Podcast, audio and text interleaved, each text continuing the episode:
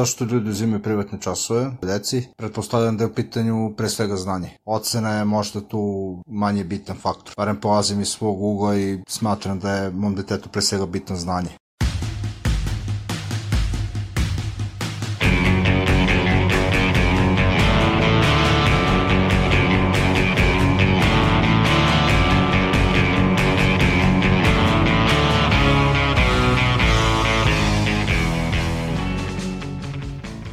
Slušate podcast Reaguj nezavisnog društva novinara Vojvodine. Ja sam Iva Gajić, a na ovoj epizodi radili su i Sanja Đorđević, Nemanja Stevanović, Sanja Kosović i Irena Čučković. U 84. epizodi istraživali smo da li se potražnja za privatnim časovima povećala od početka pandemije koronavirusa, ali i želili smo da nađemo odgovor na pitanje zbog čega učenici odlaze privatno kod profesora. Zato sedite u klupe. Zvoniće svakog trenutka. Od početka pandemije koronavirusa, a tome će u martu već dve godine, sve se, kao što znate, izmenilo, pa i školstvo. Od kako je proglašeno vanredno stanje, školstvo u Srbiji pokušalo je da na zdravstveno bezbedan način održava časove – Obrazovanjem za vreme pandemije koronavirusa bavili smo se u nekoliko navrata tokom prve sezone našeg podcasta, a pokazalo se da nastavnici nisu bili spremni, ani dovoljno tehnički i tehnološki obučeni za nastavu na daljinu.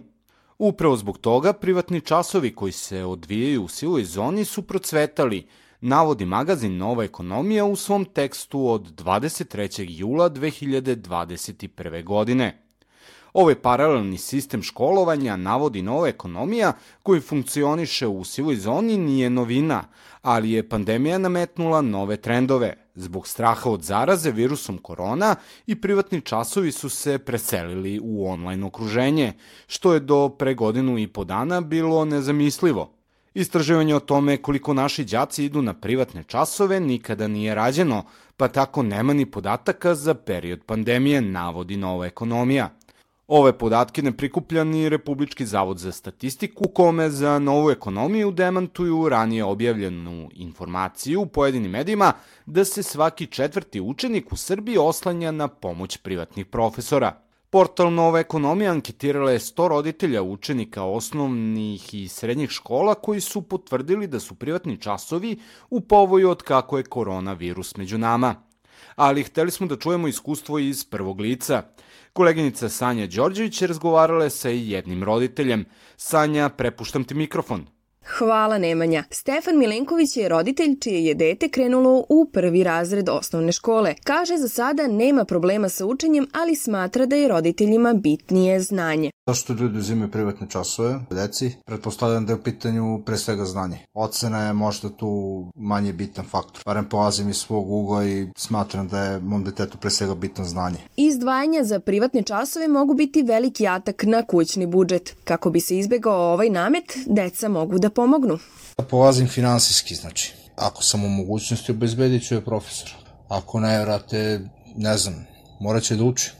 Iskreno ti kažem. U svakom slučaju nastojao bih svakako da obezbedim mom detetu profesora koji će da je pomogne u sticanju novih znanja. Eto. Online nastava zahtevnija je od regularne, što za nastavnike i učenike, tako i za roditelje. Milenković, međutim, ne primećuje da neko od roditelja uzima dodatne časove za svoju decu. Da ti kažem, kao neko ko, ko u dvorištu čeka dete sa roditeljima starije deci, to apsolutno ne čujem.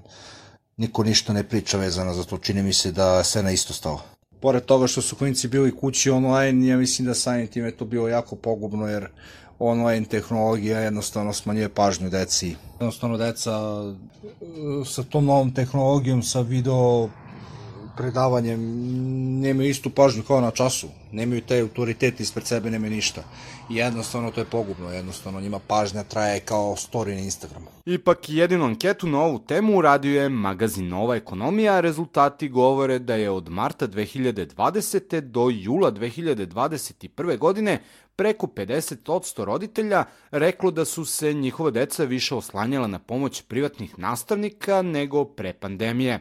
Skoro trećina anketiranih za novu ekonomiju nije za svoju decu tražilo pomoć sa strane, a skoro četvrtina roditelja je plaćalo privatnu nastavu iz dva predmeta, svaki peti iz tri, 16% iz više od tri predmeta, a samo iz jednog svega 13%. Kao razloge za uzimanje privatnih časova, 63% roditelja je reklo na ovoj ekonomiji da je nastava u školi bila nedovoljno jasna i previše brza. 25% je reklo da nastavnici nisu sve predavali, a nešto manje od 10% kao razlog za uzimanje privatnih časova navelo je da je gradivo teško. Više od polovine roditelja koji su u anketi za novu ekonomiju naveli da nisu plaćali deci privatne časove, reklo je da za tim nije bilo potrebe. Nešto manje od 10% to nije činilo zbog nedostatka novca, dok su ostali naveli da deci sami pomažu da savladaju školsko gradivo. Sanja, ti si pokušala da nađeš odgovore zbog čega se uzimaju privatni časovi. Tako je, Nemanja. Razlog zbog koji se najčešće uzimaju privatni časovi su afiniteti, navodi Marija Bjelica iz Novosadskog kulturno-obrazovnog kruga, koji nudi kurseve za različite predmete. Nama se javljaju roditelji, ima i naravno vrlo savjesnih roditelja, javljaju se da provežbaju predkontrolne i pismene, ali imamo i onih roditelja koji zapravo šalju svoju decu redovno na časove iz nekog predmeta. Obično se odlučuju zbog toga što deca imaju prirodnu inclinaciju prema nekim predmetima, a neki, prema nekima ne. Recimo, devojčice uglavnom su dobre iz društvenih predmeta, najčešće jezici, jel?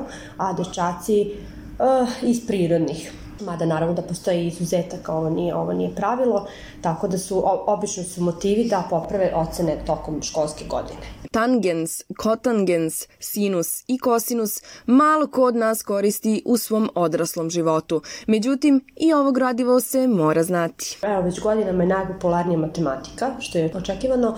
Posle toga fizika, hemija i rekla bih engleski jezik. Mada dolaze deca i na srpski, dođu povremeno i na ruski i mislim da je to što se tiče osnovne i srednje škole. Mada nekad imamo recimo i za latinski i za srednju školu i tako neke ne toliko popularne predmete. Bjelica navodi da je njena škola mlada pa da tako ne može sa sigurnošću da tvrdi da li se broj đaka koji traže privatne časove povećao zbog pandemije. Broj e, učenika se povećao prvenstveno zbog prelaska na online nastavu, ja bih rekla, i to gotovo duplo po nekim mojim procenama, ali s druge strane možda i malo nezahvalno da kažem taj podatak, jer kako škola postoji, onda sve više ljudi zna za vas, pa se sve više učenika i pisuje, ali rekla bih da je online nastava jedan od razloga zbog čega učenici dolaze na privatne časove. Drugačije je prosto. Vi kad odete u školu, onda ste fizički na tom mestu prinuđeni se tamo bude 45 minuta i da pratite nastavu. Nastavnik predaje, ima svoju nastavnu jedinicu i učenik je jeli, na času hvata beleške, dobije neke nastavne listiće. Međutim, kad je u pitanju online nastava, onda svi prate od kuće. I sad je to uvek veliko pitanje jeli, da li oni prate stvarno ili su samo uključene zelene lampice odnosno da li nam svetli da su učenici prisutni. Jedan od načina da se protiv toga nastavnici bore jeste da insistiraju da deca uključe kameru i onda stvarno vidite da li su učenici prisutni ili, ili ne. Marija Bjelica navodi da je uživo nastava mnogostruko bolja. Rad od kuće zahteva mnogo više uslova koji su u školi već obezbeđeni. Uvek je bolje držati čas uživo nego online zato što imate utisak da ste u školi. Ima i taj uh, prosto neposredni kontakt sa učenikom i vi tačno možete da primetite da li mu nešto nije jasno po njegovom pogledu. Deca se, rekla bih, online mnogo više ustručavaju da nešto pitaju nego kad su uživo na času. Na stranu to što dosta profesora, naravno svaka čast svim kolegama, ali dosta njih se odlučuje da ne drži časove putem Zuma ili Google Meeta, nego prosto e, na e, Google učionici pošalju materijal u vezi sa nastavnom jedinicom, pa su učenici neko prinuđeni da sami uče i rade, što rekli bih nije primereno za osnovnoškolski i srednjoškolski uzrast. Može za studente, mada i tu je pitanje, ali za ovo ipak, za niže se ipak treba neko da vas vodi kroz tu nastavnu jedinicu da vam ispredaje. Nemaju često uslove, dosta roditelja je radilo od kuće, pa tu stvarno onda bude gužva, nemaju svi svoj kompjuter. Cene privatnih časova razlikuju se od uzrasta učenika, od predmeta, ali i od profesora – Pregledom sajtova koji su specijalizovani za povezivanje učenika i privatnih profesora, redakcija podcasta reaguje i ustanovila je da se cene kreću od 400 dinara za mlađe osnovce pa do preko 1000 dinara po času za stručne predmete u srednjim stručnim školama.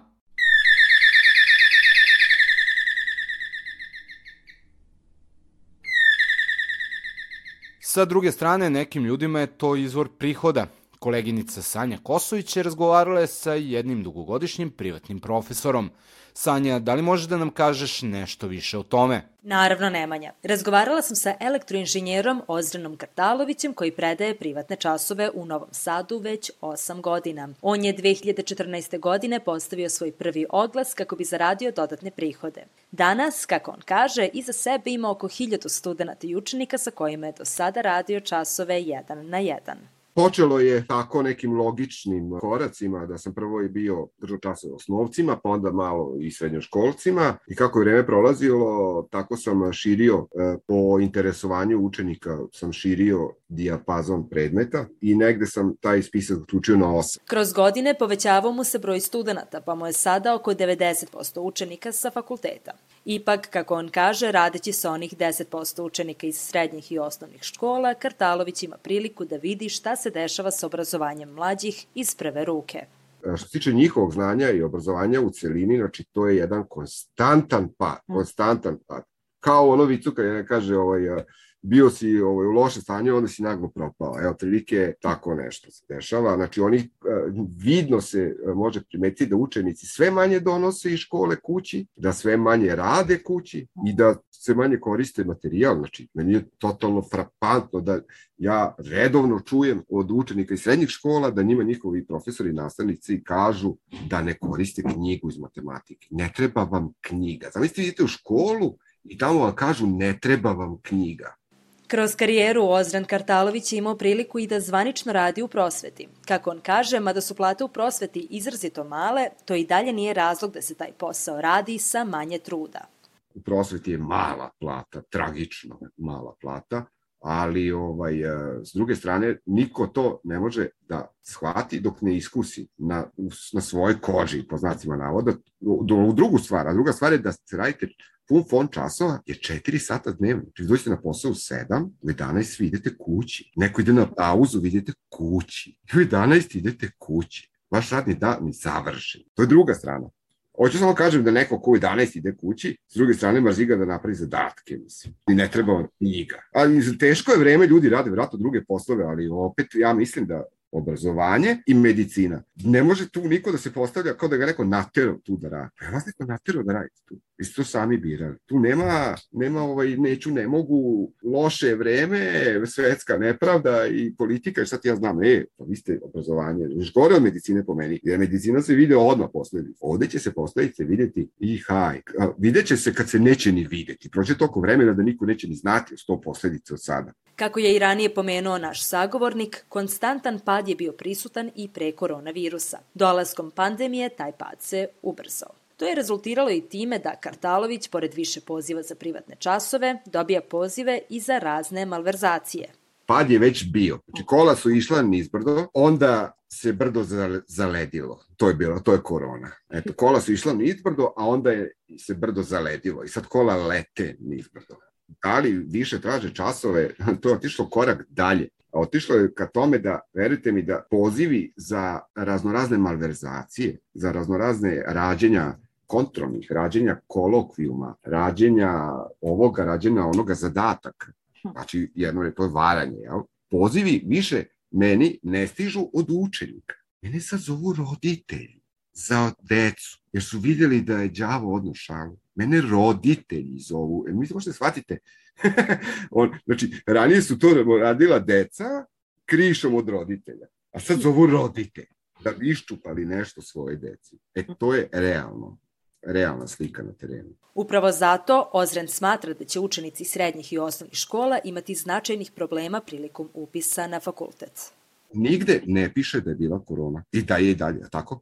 U njihovim knjižicama, u dnevnicima, u svedočanstvima, nemate nigde ni jednim zarezom naznačeno da su oni školu pohađali na YouTube, ako su i tamo. To nigde nema. I kad bude prijemni za fakultet, koliko će to biti uzeto u obzir? Šta? Neće, znaš kako će reći, šta? Kako korona? Ipak, problem nije prisutan samo kod učenika srednjih i osnovnih škola. Kako naš sagovornik kaže, kod pojedinih studenta se već sada uočavaju značajne rupe u znanju. Znanje učenika je frapantno. Učenike sa fakulteta koji ne znaju sabiraju razlomke. Vraćamo se u šesti osnovne, onako direktno, koji ne znaju da reše dve načine, dve nepoznate. E, to su, to su provalije, ne rupe u znanju, to su provalije. To će tek da se vidi. To će tek da se vidi ja ne znam šta će raditi. Ja mislim da ili će ih sve pustiti ili će biti prolaznost 3%. Matematika ne prašta. Što se tiče predavanja na RTS-u, ali i online predavanja generalno, Kartalović smatra da se tu gubi najznačajnija stvar kada je u pitanju edukacija, a to je interakcija. Varira kvalitet. Neki su ljudi tamo baš kao potrudili. Pitam sad o tima što tamo to čitaju. Ne znam, prvo nisam mogao što je provalim da su oni predavači ili oni to čitaju. To je možda već i neko zapažanje u startu. Često nisam mogao to da vidim. Tamo nema nikakvih komentara, nema nikakvih pojašnjenja. Znači, ono, kao spikeri, oni meni tako deluju. Nekad oni nešto ponove, ali vidite, znate šta je problem kod te nastave? Pod, onako, odma jedan očigledan problem. Bez obzira da je sve drugo idealno. I, na primjer, ako imate tri na polugodištu, vi nikad ne možete imati pet na kraju. Jer vi ne možete online dobiti ocenu iz aktivnosti, na primjer. Ne može nastavnik da vidi da se vi trudite, ne može da vidi da vi želite da popravite, ne može ništa. Ima manje ocena time, sami time ocene su važnije. I vi u takvoj situaciji imate ogroman porast onih koji varaju. Imate ogroman porast onih koji ne znaju. A ni ovi što varaju, oni, nemojte zaboraviti, ni oni ne znaju. Oni samo njima piše da znaju, oni ne znaju. Internet je veoma korisna alatka. Međutim, bez adekvatnog osnovnog obrazovanja, internet je, po mišljenju Ozrena Kartalovića, beskoristan, jer u budućnosti ta deca neće ni znati šta da traže na njemu.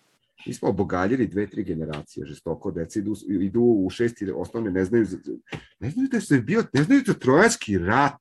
Sve idete u, u osnovnu školu i sedmi ste razredi, niste čuli za troju. Pa ja ako sam ništa čuo, čuo za troju. Ja kad vidim koliko ja stvari se sećam direktno iz osnovne škole, direktno od onda se sećam, neke stvari iz geografije, iz istorije. To znači da one meni kasnije nisu bile pre, ovaj, saopštavane. I ako ih ne znate odavde, vi ih ne znate uopšte. Pritom je, su i oni opušteni i nemaju e, želju, nemaju ovaj svest o tome koliko su hendikepirani. A, zbog toga što, eto, kao sad živimo u tom vremenu, ima sve na internetu. Ima sve na internetu, to stvari znači nema ništa na internetu, jer vi sve nećete nikad naći. Vi ne znate ni šta da tražite. Ne znate ni kad da tražite to što ne znate šta da tražite. I tato nećete nikada ni naći.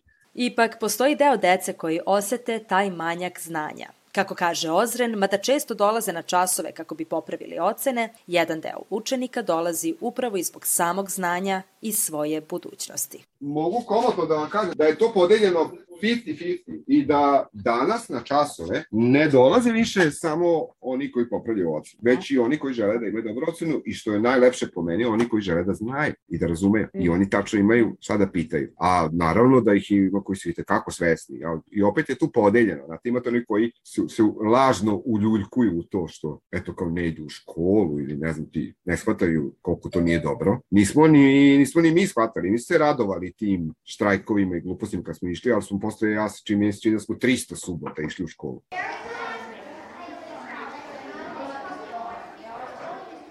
Iz vremena socijalizma i Jugoslavije, šta god neko misli o tom poredku i vremenu, ostalo je da na ovim prostorima školstvo bude obavezno, barem osnovno obrazovanje, i da je besplatno.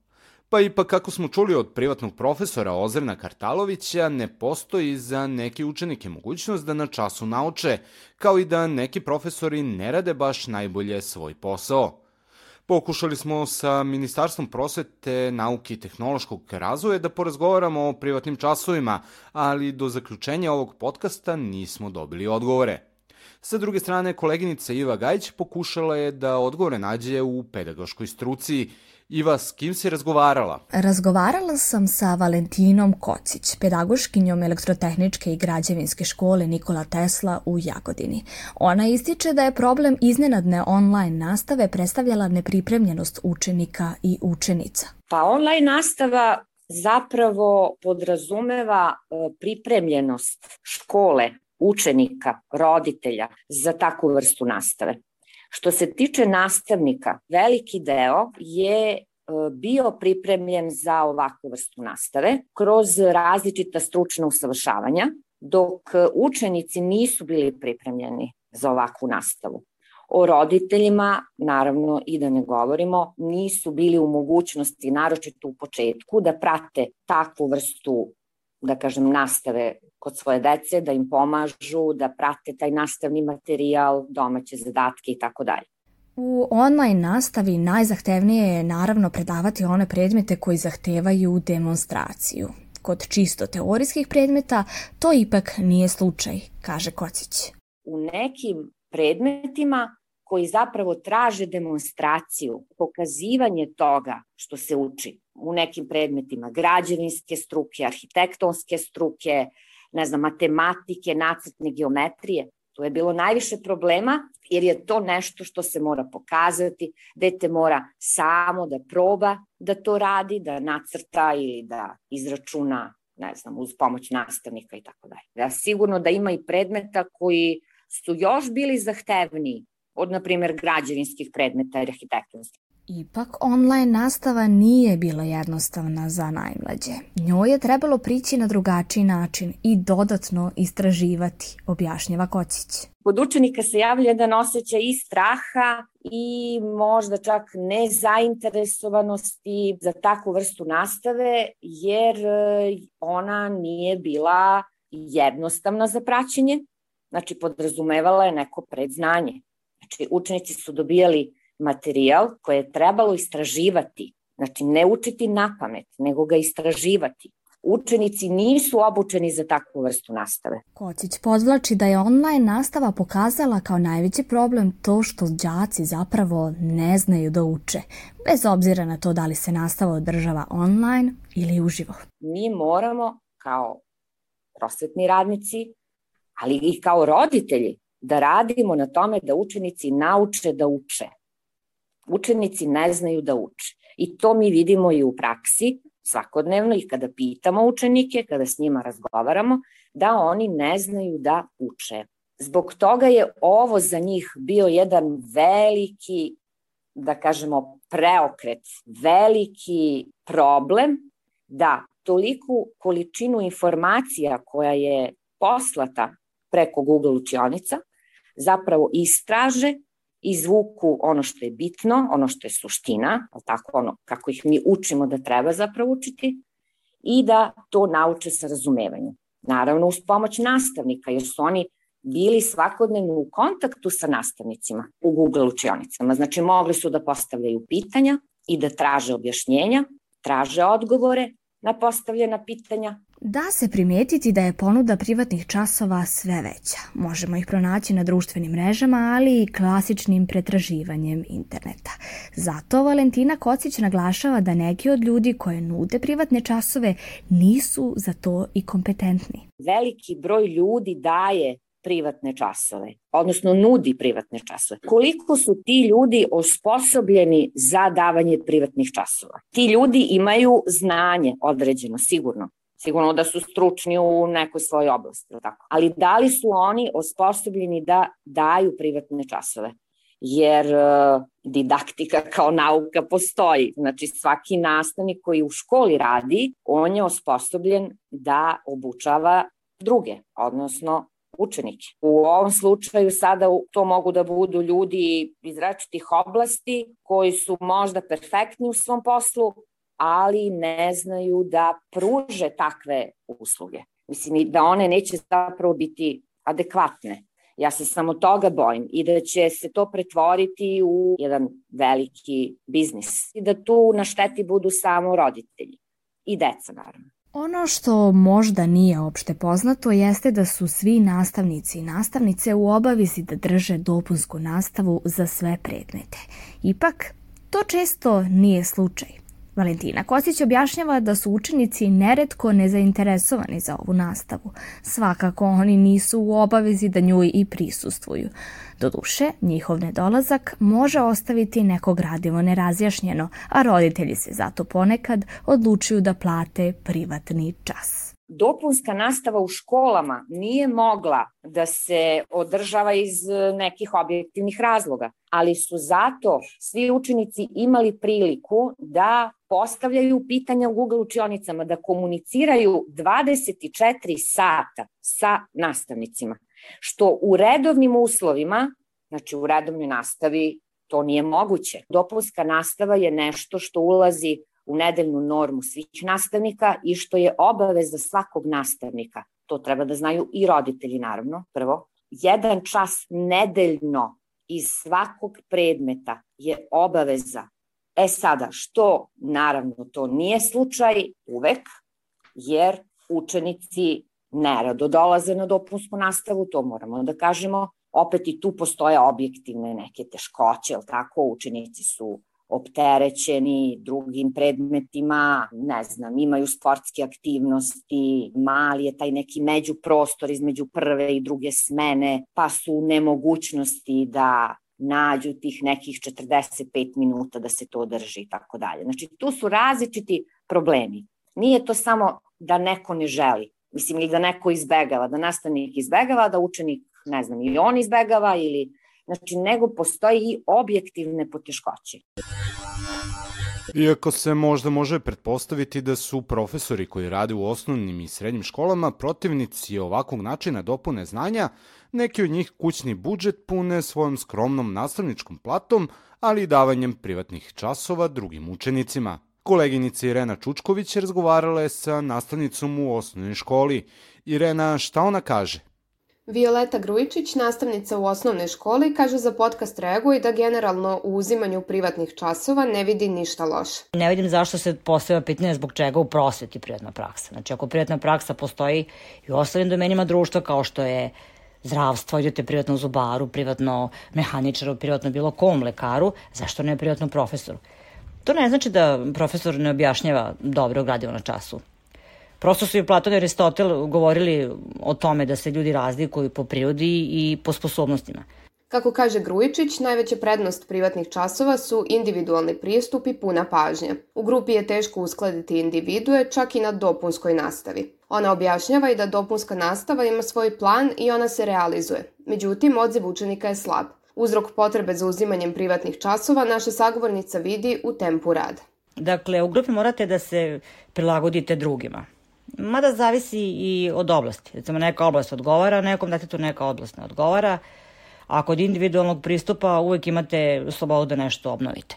Violeta Grujičić objašnjava i na koji način je pandemija koronavirusa uticala na realizaciju i kvalitet nastave. Pa, dokle god je nastava redovno realizovana, to je velika prednost koliko god neko voleo ili ne voleo školu. Ali situacija se promenjala, recimo za mene lično najviše, zbog toga što smo prinuđeni da koristimo digitalne užbenike. Mislim, meni je jasno da deca odrastaju u vremenu digitalnih medija, ali po meni tako se gubi individualnost. Jednostavno oni su vezani za tu interaktivnu tablu koja je za njih novotarija, svetveća i tu oni se došaptavaju i klikću po toj tabli. Jednostavno mislim da su uskraćeni za neko realno znanje. A da li ima mesta za reformu koja bi smanjila potrebu da đaci uzimaju privatne časove? Po meni lično sve su reforme do sad bile nekako šuplje forme i tu nikad, nikako nije bilo u korist učenika. I mi koji radimo u školi se zapravo ne pitamo uopšte o tome, to je mislim tolika greška. Jer sve reforme dolaze, da kažem, tako figurativno, tako reći, od ozgo. Znači, od nekih ljudi koji bukvalno nisu ušli u učionicu, a kamoli bili predavači. Dakle, e, reforma bi trebalo da potekne od nas, znači od, od ljudi iz akademske zajednice, a u svakom drugom smislu i slučaju nema nikakvu šansu. Naša sagovornica kaže i da sve dok se nastava odvija uživo, a ne online, to nekako funkcioniše i tokom pandemije. Školskim zvonom završavamo ovu 84. epizodu podcasta Reagu i nezavisnog društva novinara Vojvodine, u kojoj smo govorili o privatnim časovima za vreme pandemije koronavirusa. Pišite nam u Facebook grupi Podcast Reagu i da li ste vi uzimali privatne časove za vreme školovanja, kao i koji su bili razlozi. Dostupni smo i na mailu podcast.ndnv.org.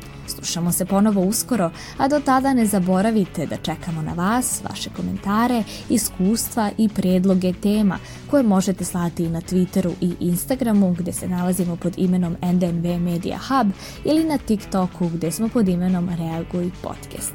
Naš rad možete pratiti na kanalima na iTunesu, Stitcheru, Castboxu, Sounderu, Spotifyu, Google podcastima, Deezeru, kao i na sajtu podcast.rs. Ukoliko želite da nas podržite, uradite to baš šerovanjem, komentarom, deljenjem svoje priče ili preko sajta donations.ndnv.com.